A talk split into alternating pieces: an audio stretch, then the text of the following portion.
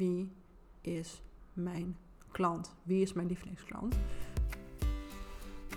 Welkom bij de Wees Jezelf podcast. De podcast waar ik je alle ins en outs vertel over personal branding en hoe je dit op jouw manier kan inzetten. Ik ben Anneloes, personal branding expert bij Studio Pink.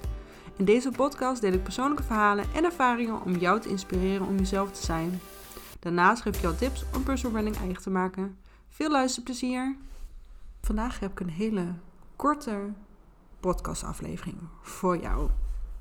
Want ehm, eh, waar ik merk dat mijn uh, klanten het meest tegenaan lopen en waar ik zelf ook ontzettend tegenaan liep uh, toen ik net startte, is het antwoord op de vraag: wie is mijn klant? Wie is mijn lievelingsklant? Um, en eigenlijk met vier hele makkelijke vragen, of makkelijke vragen, met vier vragen, kan je al antwoord geven op die vraag.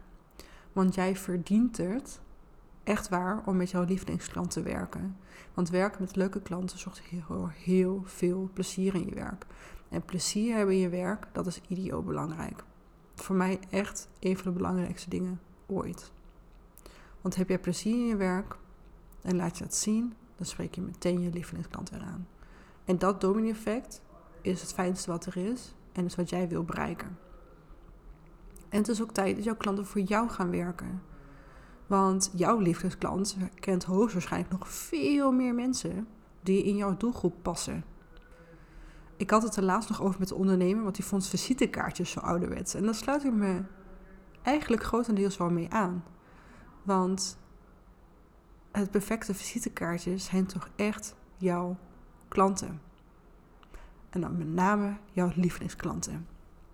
En daarom is het zo belangrijk om altijd gewoon een hele goede indruk achter te laten. Al is het bij een klant die je nog niet hebt binnengehaald, een klant bij wie je het al hebt afgerond.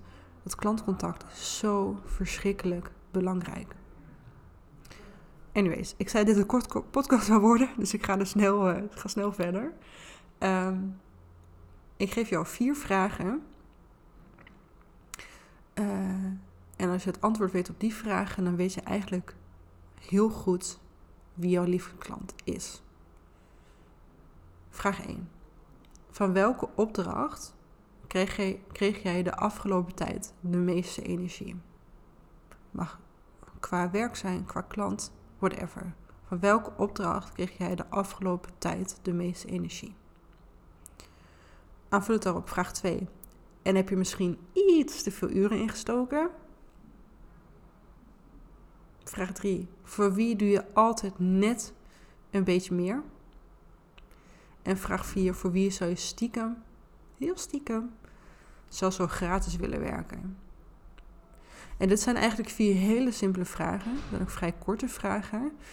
En ik wil ook dat je daar heel kort en snel antwoord op geeft. Denk er niet te lang over na, denk er niet te veel over na. Geef gewoon antwoord. Ik wil eigenlijk dat je bij vraag 1 meteen al weet, oh, dat was die opdracht. En vooral bij de vraag, voor wie zou je stiekem graag gratis willen werken? Laatste vraag. Daar moet je niet veel over nadenken, gewoon antwoord geven. En de kans is heel groot, echt, ik, ik denk 99%, 99% kans dat die persoon, die opdracht, die opdrachtgever, die klant, jouw lievelingsklant is. Nou, en dan heb je daarna natuurlijk nog heel veel stappen om het af te ronden. Ik ga even een paar, ik ga ze even heel kort benoemen, zodat er nog wel uh, iets meer is dan alleen maar die vier vragen. Weet je het altijd op al die vragen, dan komt er waarschijnlijk één persoon uit. één soort mens, één soort klant, één soort opdrachtgever. De eerstvolgende stap is dan om te bepalen waar jouw liefdesklant blij van wordt. Dus we gaan niet kijken naar pijnpunten. Dat is echt een woord die ik niet uit kan staan en verschrikkelijk vind. Maar we gaan vooral even kijken naar het verlangen van jouw klant. Wat is het ultieme geluk van jouw klant? Wat is het antwoord op die vraag? En de tweede stap is de tijd om het allemaal uit te schrijven. Waar staat je klant voor? Wat doet ze graag? Ehm, eh, wat doet ze naar vrije tijd? Wat doet ze qua werk? Heeft ze kinderen? Je weet wel, de persona. Dus oftewel de blauwdruk van jouw ideale klant. En daarna is stap drie, en dat is content maken. En dat is het leukste deel. Wat mij betreft, dat is schrijven en ontwerpen maken voor je klanten. En dat kan content zijn voor social media, maar dat kunnen ook advertenties zijn. Er kunnen ja, eigenlijk alle uh, marketing, communicatie, uitingen zijn die er maar bestaan. Uh, artikel een tijdschrift, uh, een boek, video's, zoals ik zei, advertenties, reclamespotjes, podcastafleveringen, blogs, whatever.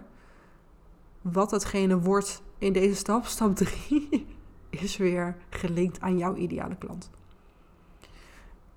En de content die je maakt zijn zo geschreven voor die doelgroep, die lievelingsklant, dat ze wel met jou in C moeten gaan.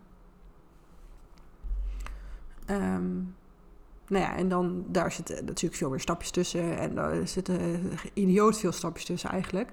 Uh, daar kan ik deze podcast niet diep over ingaan, want we houden vandaag houden het simpel. En dat zijn gewoon die eerste vier vragen. Van welke opdracht krijg je de meeste energie? Waar heb je te veel tijd in gestoken? Voor wie doe je altijd een beetje mee? En voor wie zou je stiekem zoals gratis willen werken?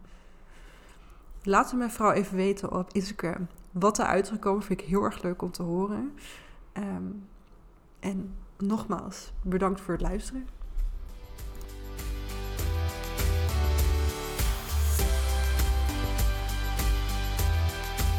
Bedankt voor het luisteren naar deze podcast. Heb je wat geleerd of ben je geïnspireerd?